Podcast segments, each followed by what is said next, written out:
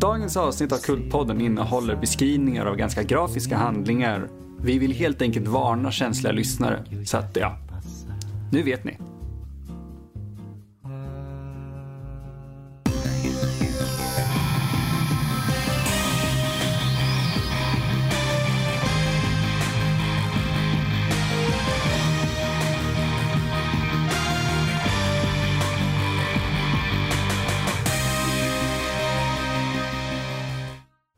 Var det ytterligare en onsdag. Efter, det är två veckor sedan sist. Oj, oj, oj vad tiden går. Och det är dags för ett nytt avsnitt av Kultpodden. En del av Nördliv. Där vi pratar om filmerna, spelen, böckerna och så vidare som tiden annars har glömt bort. Jag heter Mattias och med mig har jag... Emil! Ja, Hallå allihopa! är det bra eller? Det är bra med mig. Mm. Det är mycket bättre den här veckan än vad det var förra veckan. Eh, Du menar för två veckor sedan då vi tittade på För grund... två veckor sedan, förlåt mig. Ja, Då vi för den, den filmen förstörde min dag alltså. Ja, det var ju Croaked. Där Eh. ja. Eller grodfilmen som vi har kallat den för sen dess. Ja, faktiskt. Ja, den satte sina spår.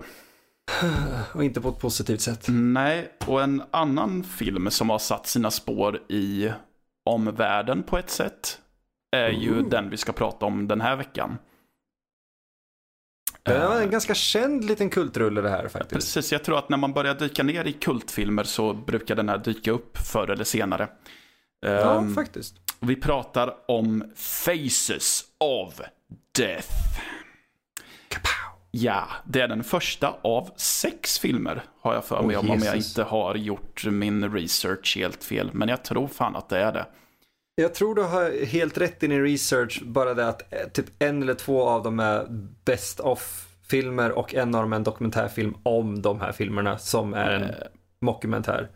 Ja, precis. Och det är inte att eh, det är inte att mixas ihop med Traces of Death eller Faces of Gore som är något Exakt. annat. Ehm, Faces of Death är en så kallad eh, Mondo-film. Vet du vad en Mondo-film är, Emil? Jag vet ju det, men jag var Ja. faktiskt tvungen att läsa på lite extra bara för att få rätt termer. Men Yes. berätta för publiken här. Ja, Mondo-filmer är ju en typ av dokumentär som specialiserar sig på tabuämnen. Och det är, eftersom att det är en del av Grindhouse-verksamheten så det är mycket sex och våld som den siktar in sig på. Eh, Och de brukar ofta vara väldigt, det brukar ofta vara pseudodokumentärer så att det vi ser är inte verkligt egentligen utan vi ser stageade eh, händelser som sker i en verklig miljö kan man säga. Ja, men precis. Så man skulle kunna säga att det är kontroversiella mockumentärer. Exakt, de brukar ju få namnet, ja, mock, det är intressant för mockumentärer brukar ju vara mer satiriska eller lite mer komiska medan Ja. de här brukar anses då vara Mm. mycket mörkare eller verkligare eller ha i alla fall en fot i allvar. Ehm, de brukar annars också Precis. gå under det så klassiga namnet shockumentary. Ja, som är ett ganska bra namn. Det skulle vara en bra beskrivning på Faces of Death.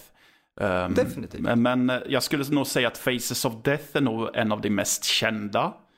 För det är väl den och eh, Sweden, Heaven and Hell, eller Heaven or Hell som den heter. Som, för jag tänker inte ge mig på italienska titeln. Nej, gör inte det. Nej. det Det som är lite kul med den, det är att det finns en låt med i eh, Sverige, himmel Ja! eller helvete. Som alla känner till, men alla tror att det är Mupparna ifrån början. och vilken låt är det Mattias? Det är Mana Mana, Du, du. Ja, och det är så länge jag tänker sjunga på den. Ja, annars kommer vi sitta och sjunga på den typ resten av avsnittet. Jajamän. Eller åtminstone ha den i Eh. våra huvuden. jag har inte sett eh, den filmen, men jag vet det där ändå. Jag är så glad att du faktiskt tog upp det, för jag tänkte oh, hoppas, hoppas, hoppas han säger det nu när vi är inne på den, för det här hann vi ju inte prata om innan. Och det, det är en sån där kul anekdot man alltid vill ta upp. Japp, eh, nej men alltså det hade jag lovat mig själv att eh, för vi kommer prata Mondo och då måste man nämna den filmen. Och ja, och för er som är ännu mer nyfikna, det är alltså en Mondo-film som ska utmåla Sverige som syndens näste på 70-talet. Mm. För det var mycket sexkabaréer och sådana styggheter. Eh, Ja, jag önskar ibland att jag var född då. Nej men alltså om man tittar på, det är framförallt, eh, ja, jag vet att det är ett sidospår men vi- vi kör på det så länge. Det är i, vad fan heter den nu igen? Med Kristina Lindberg och Stellan Skarsgård. Anita, en tonårsflickas dagbok. Precis, det en sekvens där så kan man se hur det var att gå i centrala Stockholm för det är mycket trippel X-grejer och så. Där. Så du påstår alltså att Stockholm hade en kort period av typ New Yorks 42nd Street? Jag skulle vilja påstå det. Fan vad ballt. Vill Ja. du förklara 42nd Street lite kort för lyssnarna? Eh, ja, det är typ ett jättekänt stråk i USA som numera är nedlagt. Men det var där alla porrbiografer, alla strippklubbar, alla grindhouse-biografer fanns. Det var knark öppet på gatorna och eh, inte en jättetrevlig plats. Men ändå väldigt viktig för just den här typen av film. Men Ja, absolut inte trevlig. nej, nej, jag hade inte velat se dem i biograferna när det begav sig i alla fall. Fy fan. Nej, Nej. jag, jag Eh. hade varit lite skeptisk till det. Ja, men i alla fall till filmen. Ehm, Faces of Death är, den, den kör väldigt mycket på att det är en dokumentär som, ja men den handlar om död. Vi har d- en eh, coroner, jag vet inte vad det vettigaste namnet för det är på svenska. Typ obducent? Ja, just det. Obducenter stod det i undertexterna. Ja. Tack Emil. Som, är, som har det eh, fantastiska namnet Dr. Francis B. Gross. Eller Grös. Definitivt en riktig doktor. Eller hur? Det är ju inte alls så att det är en skådespelare som heter Michael Carr. Ja, ja, nej. Ja, nej men han, han eh, säger att han har varit på en eh, resa runt jorden där han har studerat dödens många ansikten. Och det är just det som vi får ta del av. Så vi får se allt från djur som dör på ett slakteri, som typ är det obehagligaste i hela filmen, till Yep. ja, typ olyckor, björnattacker, krokodilanfall och eh, eh, köttätande sekter. Och till det ska väl tilläggas att eh, hälften av det vi ser är, ja kanske inte hälften, det är en eh, generalisering av mig, men man kan väl säga att hälften är verkligt och hälften är ja, påhittad och effektmakeri. Ja, precis. För det var ju det som var... det- var väl det som var tanken med filmen.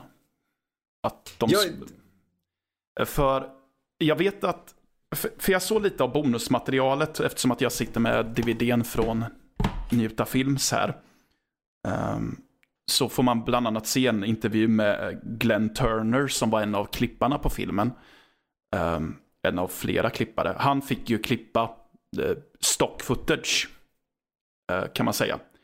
Eh, Förklara? Eh, är ja, alltså det var... Ja, men...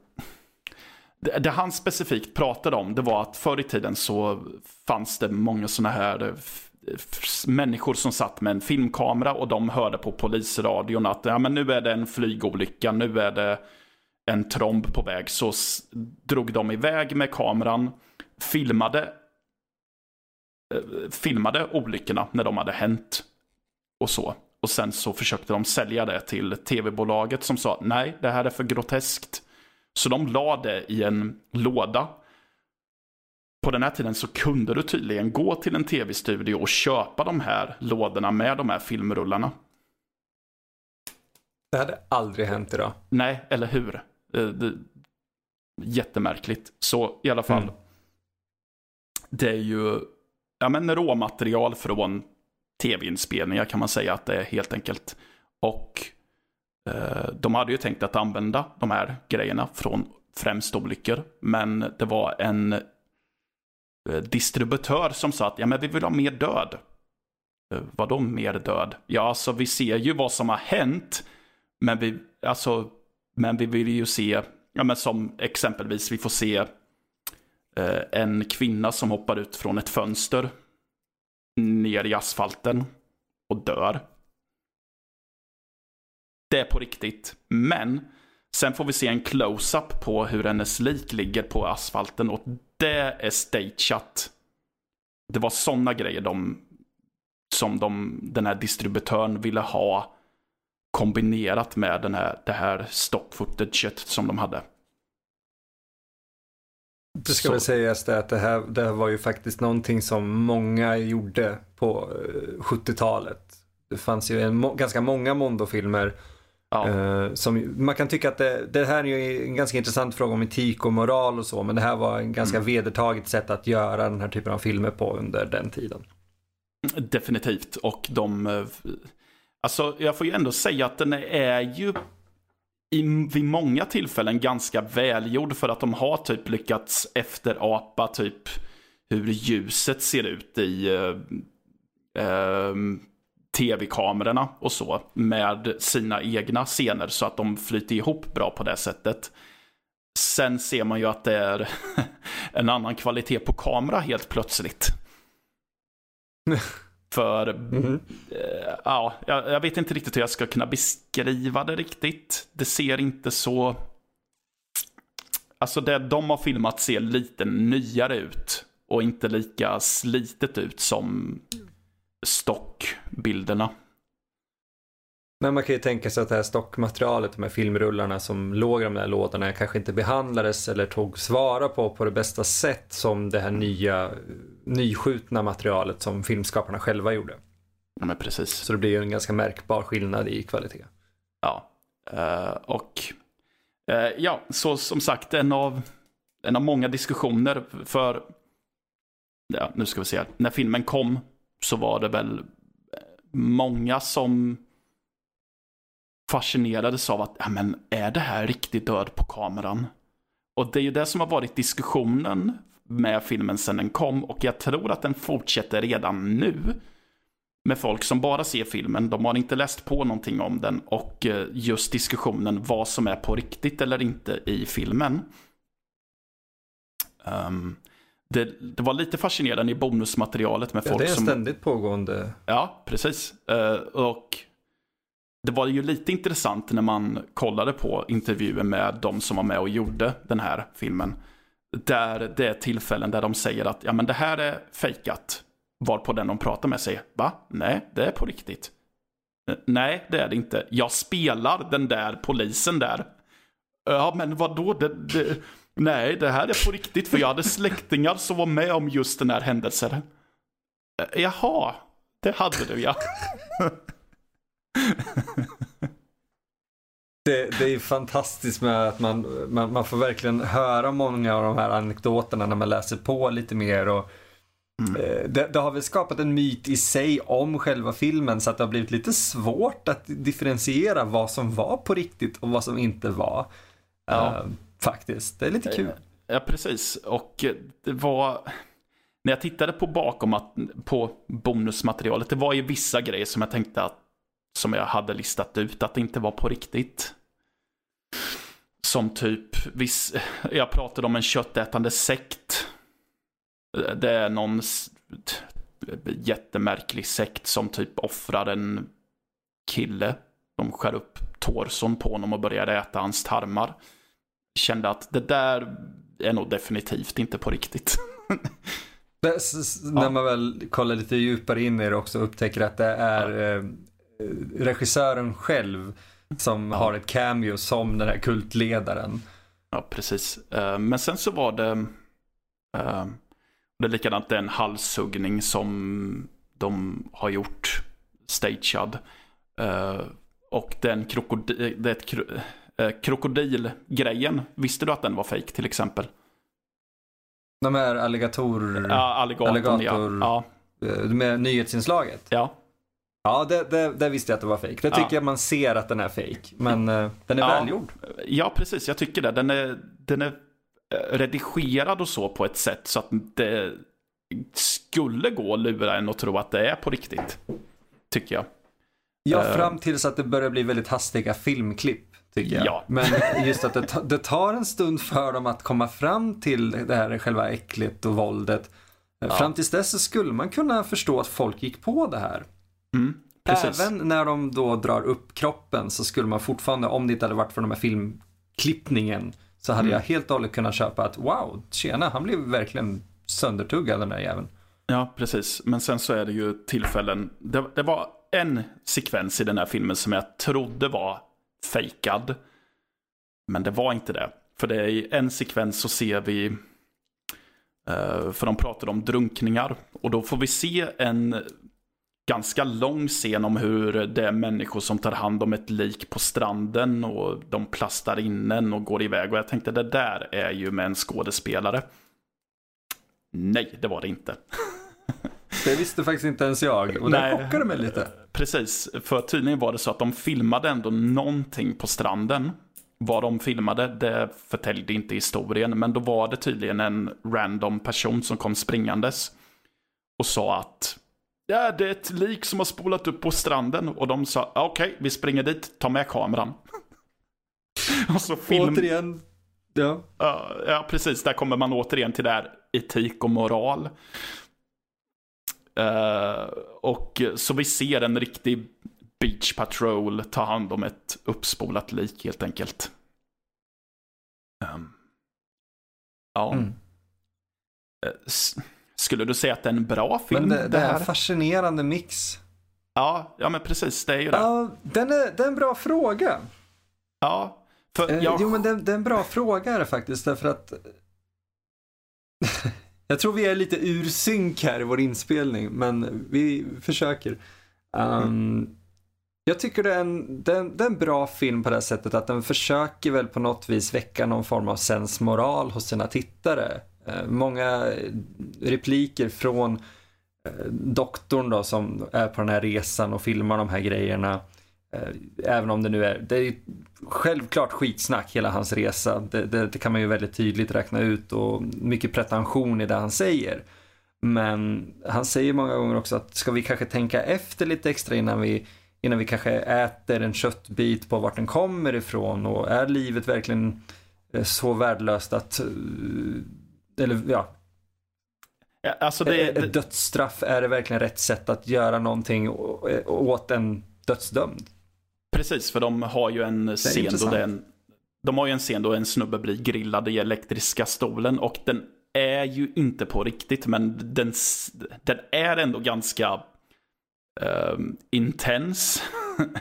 Den är välspelad. Eh, väldigt, jag tycker att den är, den är väldigt, effektmakeriet i den är snygg. För det är väldigt ja. lätt att köpa den. Sen så börjar man fundera på, men varför skulle man ha tillåtelse att filma sådana närbilder? Eh, och, eh, och den väcker ändå, som du säger, spännande frågor. Jag tycker att det är där den har mest att säga. Det är just djuren i början. För de har ju valt att visa eh, vad han kallar för kosher-slakt, tror jag det är.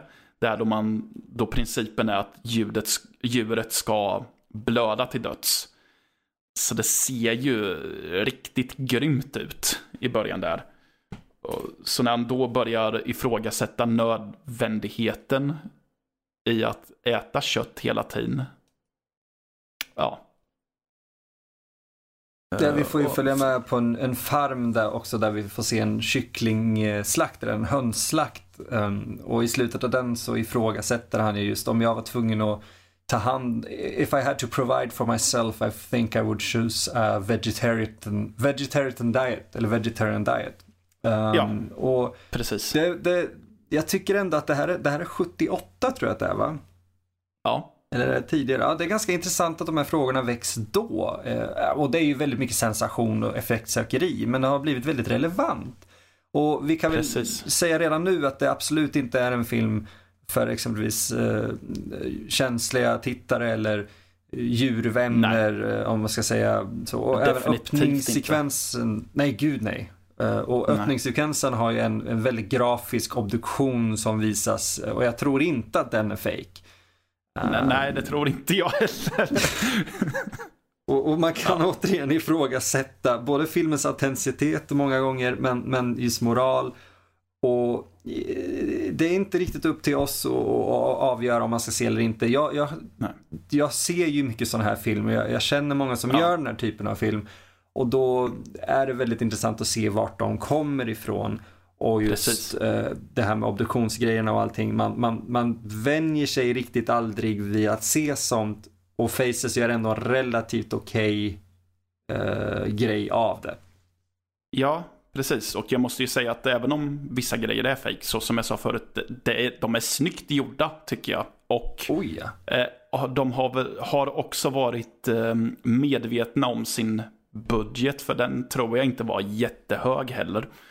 Eh, så att de har ju redigerat undan så att man inte ska se att det är billiga effekter heller. Så en del grejer tycker jag ändå ser, ser bra ut. Um... Ja, men den jobbar ju mycket med det här the mind's eye på många ställen. Exempelvis den, om man ska säga ökända, vi kommer nog till det, men den ökända apscenen, ja, apsekvensen. Precis. Ja. Eh, jobbar ju väldigt mycket med klippningen där. Du hade ju en ja. rolig anekdot om den som du får ta sen, men uh. de som känner till filmen vet ju om att Ja. Den jobbar väldigt mycket med att lämna mycket till tittarens fantasi. Ja, ja, precis. För då får vi se en sekvens där det är ett, det är ett restaurangsällskap på en ganska fin restaurang. Men de får in en speciell delikatess tror jag att det är. Det är restaurangens specialitet. Så då tar de in en livslevande apa och sätter fast den i en bur vid bordet så att bara huvudet sticker upp. Och så får männen runt bordet varsin klubba Känsliga lyssnare varnas nu. Eh, ja, precis. De får varsin klubba som de helt enkelt ska slå i huvudet på apan tills den dör och sen så ska de äta upp hjärnan på den. Jag trodde dock att den här scenen var på riktigt. För att jag har sett, alltså jag har sett italienska kannibalfilmer så jag vet att det händer ju att djur faktiskt har dödats på riktigt. Um, men um, de uh, nu ska vi se här. De, men de hade ett proteshuvud och de hade något som heter cauliflower. Ja, alltså blomkål. Ja, ja precis. Uh, ja, så väldigt fejkat egentligen. Men det men ser det helt okej ut. fan. Ja, ja. Alltså ja. när de, de ja. drar loss hjärnan lite grann. Så det här motståndet gör det att man, man sitter där och bara haha. Ja, exakt. Uh, och sen... Och, Klubborna de slår i huvudet på apan är gummiklubbor. Stackars apa fortfarande, men det är väldigt ja. roligt att tänka ja. efter. Ja, och de hade ju dock lite problem med, med tanke på att man ser aldrig att det är en klubba som verkligen krossar huvudet på apan. Utan de klipper iväg och vi får se ansiktsuttrycken mycket mer. Och det är dels för att lämna lite åt fantasin, men också för att Eh, tydligen enligt en av effektmakarna så hade apan en tendens till att förmodligen vara irriterad på att bli slagen i huvudet av en gummiklubba. Så apan började bita på klubborna. Så de var tvungna att klippa bort just de sekvenserna. För att... Det är fruktansvärt roligt. ja, jag tycker det. Jag tycker det är där... sorgligt om apan, men det är väldigt kul att den försöker bita tillbaka på klubbor som ska ja, se ut som att den klubbar ihjäl den. Ja, men vad fan, sätta ner foten och bara nej, jag tolererar inte det här. Slå mig i truten då för fan. Det är det att om man tittar på den eh, väldigt filmiskt och objektivt, alltså filmskaparmässigt, så är det ju, det ska ju utspela sig i, ja, inte i USA den här scenen, den ska ju vara i något så här eh, mer eh, eh ett land med ett kastsystem som är i princip ja, antingen är ni jävligt rika och har det jävligt bra eller så är ni extremt fattiga och lever verkligen på botten av samhället. Men mm. det är så väldigt roligt för alla de här servitörerna och, och så på den här restaurangen är ju extremt typ New York-bor. Jajamän. Det, det ser ut som att varenda jävel har en mustasch från Brooklyn. Uh, så det, det är ja. svårt att köpa den tycker jag när man väl börjar analysera det. Uh, men sen har de ju faktiskt, den här doktorn har ju en intressant sensmoral med den här scenen och det är det här det spelar inte så mycket roll, säger han väl, om, om smaken egentligen, utan det är just det här eh, att männen får uppleva känslan av, av jakt inom stora situationstecken. Eh, när de Ja. själva får slå ihjäl sitt byte och äta upp det. Det, är- det är en intressant eh, tanke. För vi har ju precis innan sett eh, massajer i Afrika. Ja, just Ja, när, hur de typ eh, rituellt slaktar en tjur. Eh, ja, som sagt, det, det, det, finns några riktigt groteska sekvenser i den här. Både då, det, alltså allt är väl groteskt i filmen egentligen. Första halvan är det, sen så Ja. blir den lite gårfattig. Ja, den blir ju det. Och, eh, Lite långdragen. och jag måste ju faktiskt säga att jag tycker att den är, den är ju som mest intressant i första halvan. Ja, det den. Där, då det faktiskt känns som att den har någonting att säga. Men sen känns det som att den ganska planlöst bara visar upp slumpmässiga dödssekvenser som typ, ja men här är det en snubbe som dör för att han filmar en björn. Den är fantastisk och ett bevis på darwinism. Jag tror han till och med säger det själv, Francis, där att ja, ibland kanske vi människor som ska vara det smartaste djuret inte är de smartaste. För det- det är en scen som är att det är, det är två bilar och det är en kamera i varje bil som filmar en björn som de matar med bröd. Och så är det en av snubbarna får för sig om att ja, men jag går ut från filmen och får riktigt saftiga närbilder på björnen. Och till slut så tar ju brödet slut hos frun. Och då... Och det typ studsar från munnen på björnen till slut för att han ser att en snubbe är på väg ut. Ja, så björnen ger sig på mannen istället. Ja, det är så, det är så fantastiskt kul. Och det är att Ja. vi ser ju ingenting heller egentligen, utan vi ser Nej. typ hur den stegrar och så, och så Och- närbild och sen oh my god! Och sen ligger han ner Ja, och så äter mannen, eller björnen på mannen. Det är lite kaotisk shaky cam-klippning där, Ja, eller vad man ska det. kalla det för. eh, som eh, resulterar i att björnen sen mumsar i sig mannen. Eh, så den har ju lite... alltså den... Mörk humor lite. Alltså den har ju väldigt mycket sånt eh, Ja. egentligen. Särskilt om man tänker efter på just vart, vad filmens egentliga syfte är. Den är Mm. ju inte gjord för the average Joe som sitter och tittar på en dokumentär på Kunskapskanalen riktigt. Utan den är ju till för att människor skulle gå på bio och se det här och herregud var det så här verkligen ute i resten av världen? Precis. Och så sitter Johan Swartz där eller vad han heter, regissören och så här hi hi hi hi. Ja, Jag fick de här pengarna jag behövde. Ja, exakt. Dels de här som eh, tror att allting är på riktigt och tycker att det är vidrigt, men också de här som blir väldigt... Mm, eh, på engelska kallar man det för morbid curiosity. Jag tror vi faller in i den kategorin. Eh, Ja, det var ju därför jag ville se den ifrån början.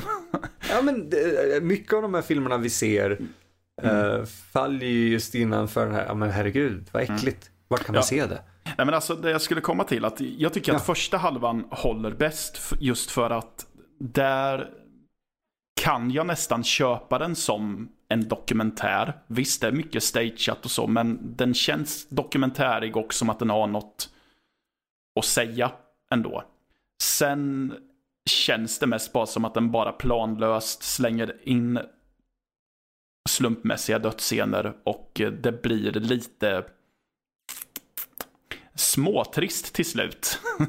Ja, för hälften av de där dödsscenerna har liksom inte mycket, han säger det, jag tog med, valde att ta med det här fallet i min studie på grund av, och sen kommer han med någon bullshit anledning. Ja. Hälften av anledningarna är rätt intressanta, men det finns en, exempelvis en man som klättrar i en grotta. ja, just det. Eh, och så ramlar han ner och så bryter han nacken och sådär. Och så börjar han, så här, ja, och livet, eh, dess, man, man börjar utforska olika saker och ting. Och Eh, även om det, ens nyfikenhet är viktigare än ens eget liv och det kan kosta en livet. Och, och, så här, ja, men behövde du verkligen tio minuter av en, gra, eller, av en grottklättrare som dör för att vi ska förstå det? Ja, för det tar typ skitlång tid innan vi kommer till att se själva liket också. För vi måste först se när de här räddarna kommer till platsen och sen när de tragglar sig igenom grottan. Och Också. jag tror de beskriver det som typ two boys Ja. Eh, någonting som two boys were climbing och sen eh, den ena av pojkarna i så fall har en fet jävla mustasch. ja, jag skulle säga det. Världens jävla porrmustasch. ja, alltså verkligen. Det ser verkligen ut som att han, så- han är en stand-in för Ron Jeremy i vissa tagningar. Det var rätt tidsram faktiskt så det skulle kunna vara så. Vem vet, det kanske är det. Det var Ja, så kul. eh, nej men, eh, nej, men det, det känns ju som att till och med de inte riktigt vet vad de ska göra med dess längd heller. Så det känns som att de drar fram grejer ur rumpan lite. Det var ett väldigt fint sätt att säga det på, men ja. Eh, filmen är, klockar ju in på 1.45 också tror jag. Ja, precis. Så det är Så- ju ganska långt. Det är tycker ju jag. det. Ja, särskilt när det är samma så här, moral slår en i huvudet hela tiden Ja, grej. Eh, precis. Även om det görs relativt snyggt så det hade kunnat kortas ner med 20 minuter och det Ja. hade inte varit några problem. Ja, för man blir ganska mätt på det till slut. Ja, för man fattar grejen. Ja, precis.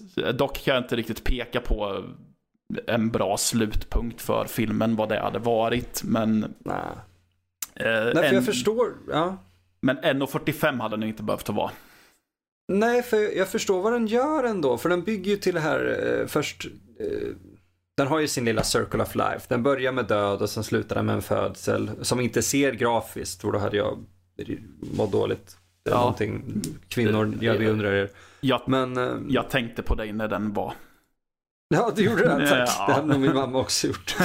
Eh, men den, den, den har en ganska intressant upptrappning med ja, men individuellt så här, det här sker, det här sker. Och sen kommer den ju över till the, worst crime of all is war. Eh, Och så börjar Ja. visa massa krigsbilder och där börjar det bli lite så här, okej Ja. ska vi verkligen ha med det här? Ja, där kan jag väl säga att det var någonting som jag definitivt kände att det här kunde ni väl ha tagit bort. Ja, om det inte är en riktig dokumentär utan ni fejkar apdöder och väldigt, alltså mycket osmakliga grejer och sådär. Men, men sen när man börjar visa koncentrationslägersbilder, Ja, Ah, då blir det svårt att rättfärdiga. ja alltså de hade väl i så fall kunnat stagea en scen på ett koncentrationsläger. Nu kanske de inte ville göra det för det kanske skulle bli för smaklöst, men ja, samtidigt vet jag inte. När vi pratar också om den, jag tänkte säga att det, det är en svår fråga vilket som är mer smaklöst där egentligen. Ja. Men, men vi pratar också om den eran av tid där det var väldigt vanligt med nazi-exploitation där man egentligen hade mycket sexuell frustration av, och människor i nazikläder som hade orgier i princip. Jo, men precis. Eh, Ja. Så det, det, ja, Mm. det är ett Nej. svårt tabuämne. Nazister eller död? Det, Eller både alltså, och? Ja, både och visserligen, men i den här typen av film där, de, eh, där det är mycket fake och det är mycket sensationssökande och effektsökande och sen tar man in undergången för det. Ja. Då, då, det, det lämnar en lite dålig smak i munnen även om man förstår poängen. Precis. Hade det varit en rak dokumentär helt och hållet, då hade jag fattat. Eh, men som, som en mondo och pseudodokumentär. aj, aj, aj, aj, aj, jag vet inte. Ja. Nej men alltså, ja. Men även om vi är lite så här att vi inte vet om vi ska säga att det är en bra film eller inte så skulle jag nog ändå säga att jag kan rekommendera den till folk. Att i, alla Utan fall, tvekan. att i alla fall ha sett tycker jag. För det, det är ändå intressant med tanke på vad som skulle komma sen. För den här banade ju inte bara vägen för liknande Mondo-filmer men också lite det som vi skulle få i lite extremare filmer. Känner jag ändå. Nej men alltså den bygger ju lite på den fascinationen att vilja visa någonting annat som man inte har sett förut. Ja, och den gör ju det rätt. ja. Alltså, den lyckas ju verkligen med det och jag skulle vilja säga att den här typen av film är ju föregångaren till sidor såsom Best Gore och Heavy R och de här. Jag, jag hade egentligen aldrig varit inne på dem för jag tycker att verkliga olyckor och verkligt våld är så jävla sorgligt. Jag är inte riktigt ute efter det. Nej. Men jag tycker det är intressant att det här är förmodligen den typen av, det är samma typ av publik som har sökt sig till det här som eh, idag skulle söka sig till de här sidorna. Men precis. Ehm, jag håller med. Eh, dock så kan jag ju säga att jag hoppas att ni har listat ut att det är, det är ingen film ni ska dra på på första dejten direkt. Eh, om ni inte vill bli av med dejten så Ja. absolut. Nej men det, det är inte en sån typ av film. Nej, Eh, det, det, det är samtidigt inte den här typen av filmen då du knäcker några bärs och kikar på den med polarna heller. Nej. Det tycker jag inte. Alltså... Det, det, det är en intressant film som man ska studera möjligtvis och se. Men det är absolut inte en, en partyfilm så som kanske Brain Dead är för många, alltså Peter Jacksons splatterfilm från 92. Nej, det är, definitivt inte. Nej, nej. Ja. Men det, det, det, det, det är en ytterst intressant film ändå. Just med tanke på hur många efterapare och efterföljare och uppföljare den fick. Men Eh, Precis. jag, har inte, ja, jag har inte sett någon av de här andra Faces of Death faktiskt. Så eh, Inte jag heller. Eh, jag den... tänker att vi ska se dem. Jag tänker att vi ska se dem faktiskt. Ska vi se alla Faces of Death tänker du eller vad? Ja, ja inte, inte de här som är best of completion Nej, nej, jag kan ju videor. att, Men... Jag kan direkt säga att vi kan nog säga att vi inte ska se The Worst of Faces of Death och vi ska inte se Faces of Death Factor Fiction. Tänker jag. Det är väl de som vi egentligen kan skippa. helt. Fyran tror jag också är något sånt där eller vad det är. Ja, det kanske det är. Jag har lite dålig koll på det. Men... ehm, Ja. Men det säger lite om vad, vad eh, intentionen med den första, eller ja, med den här serien egentligen var. Att den, den har fem eller sex filmer i sin serie. Då är det inte för att de ville göra en rättfärdig dokumentär om det hemska som finns i världen. Utan de ville göra effektsökeri och få pengar. Precis, och den här, jag tror att um, John Allen Schwartz, eller som han valde att kalla sig när han gjorde filmen, Conan Le Killer. Eh, Han, eh, hans ingång till att göra den här var ju väldigt mycket att han ville experimentera. Och typ eh, se om det ens var möjligt att göra en sån här film och få den visad, vad jag förstod det som. Det lyckades han med. Mm. Ja, jag vet att eh, effektmakarna som jag också har sett intervjuer med som heter Alan A. Aponi och Douglas J. White, de gör effekterna till tvåan med. Har jag för mig om. Intressant. Ja, och en av dem spelar också i ett av segmenterna. Eh, det gör Alan A. Apone. Det är Douglas J. White som spelar i tvåan. Eh, Alan Okej. A. Apone är med i ett segment i första filmen. Han är snubben som... eh, han är halshuggaren i öknen. Ah, den är den- bra. Ja, jag tycker det. Av den, enkla anle- av den enkla anledningen att han var den som visste vart svärdhugget skulle ske. För att det skulle Det- se bäst ut.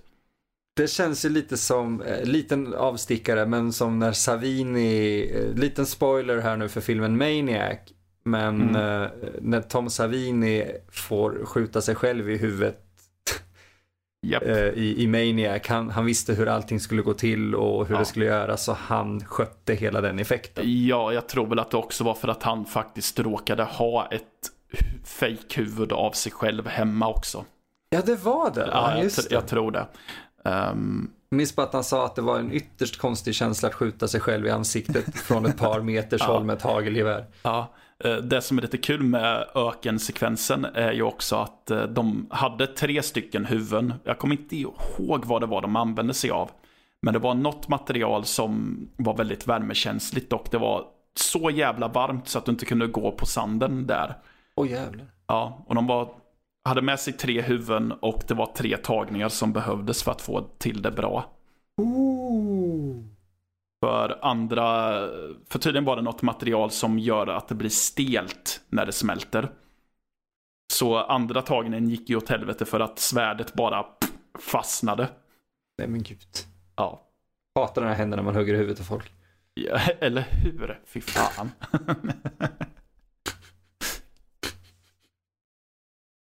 ja. Åh gud, nej vad dåligt. Ja. Ja, Nej, för eh, den, det- jag tycker den är, den effektfull scen den med faktiskt. Det är mycket i den här filmen som är effektfullt, det måste man ju säga. Jag tycker det. Ehm, ja, lite annat intressant man kan säga om regissören är att han, eh, förutom den här, har skrivit lite andra grejer. Han har bland annat skrivit ett avsnitt av Knight Rider. Det är väldigt kul. Ja, han verkar ha varit involverad i någon som heter Automan. Vet inte vad det är. Automan, fan vad Ja. coolt. Ja. Ja, och i eh, 80-talsvarianten av Dragnet Oh. så har han skrivit avsnittet eh, The Connection. Hur fan hamnade han där? Det, det kan man ju faktiskt undra. Egentligen. Faktiskt. Ja, men eh, det är lite fascinerande i sådana här filmer att de har ibland jobbat på förvånansvärt stora saker. Och det var någon annan podd som jag glömt bort namnet på. Jag lyssnade på några avsnitt av. Och de la märke till att det är väldigt många skådespelare som är med i Seinfeld också. I skräckfilmer. Det är jättekul. Ja men typ Jason Alexander, en av hans första filmer var ju The Burning av Harvey Weinstein. Eller Jajamän. han skrev den i alla fall. Japp. Eh, Så det är väldigt roligt att se Jason Alexander med hår springa runt i ett läger. Ja, och ska föreställa sig. Han ska ju se ut som en tonåring men han ser ut att vara typ Det, det är 30 där klassiska ton... Ja, men det är ju den där klassiska eh, tonårs fast jag är vuxen syndromet, eller man ska säga. Ja. När folk som var 25 och uppåt fick spela tonåringar. Var det inte det, vad heter han som var med? Var det Steve McQueen som fick spela typ 18 fast han var 30 eller vad det var i The Blob? Jag tror det. Helt fantastiskt. Ja. Eh, Ja. Och jag måste ge props bara till, kanske som en sista grej då, till den här Mm. filmen. Att, eh, vi får ju träffa den här läkaren eller doktorn i början. Eh, jag måste ge honom props för hans extremt sneda jävla glasögon. Nej. Jag, jag kunde inte sluta flina när, när jag såg filmen. Samma här, jag satt och funderade på, men är det där medvetet eller är det, Det- typ det- så han ser ut? Jag vet fan inte baserat på den här typen av film. Jag hoppas med tanke, jag hoppas att det var medvetet. Med tanke på att han också heter Gross i efternamn så. Ja, namnet är ju väldigt roligt i sig faktiskt. Så Ja. eh, det finns ju humor där, det gör det ju. Det gör det. Så att, eh, ja, det är, jag tror att det är en av klipparna som säger att när han ser på filmen nu tycker att han att den är lite hokey, men den var gjord för sin tid. Den var gjord under tiden den var gjord och den var gjord för den tiden också. Ja, och sätter man sig i det mindsetet och ser den nu så tycker jag faktiskt att den håller helt okej. Ja, jag tycker det med. Jag tycker det. Se den som ett kul tidsdokument eller vad man ska säga. Ja, Ja. faktiskt. Eller som ett experiment helt enkelt. Som det Av uppenbarligen var. Ja, för det här var ju en av de filmerna som förmodligen hade gått på 42nd Street. Eh, Definitivt. Ja. Men eh, det känns som att vi är på väg mot en avrundning. Jag tror det. Ja, så i så fall tackar jag för att ni har lyssnat. Ehm, gå gärna in på vår hemsida, nördliv.se. Uh, vi finns också på iTunes där ni får gå in och gilla och kommentera.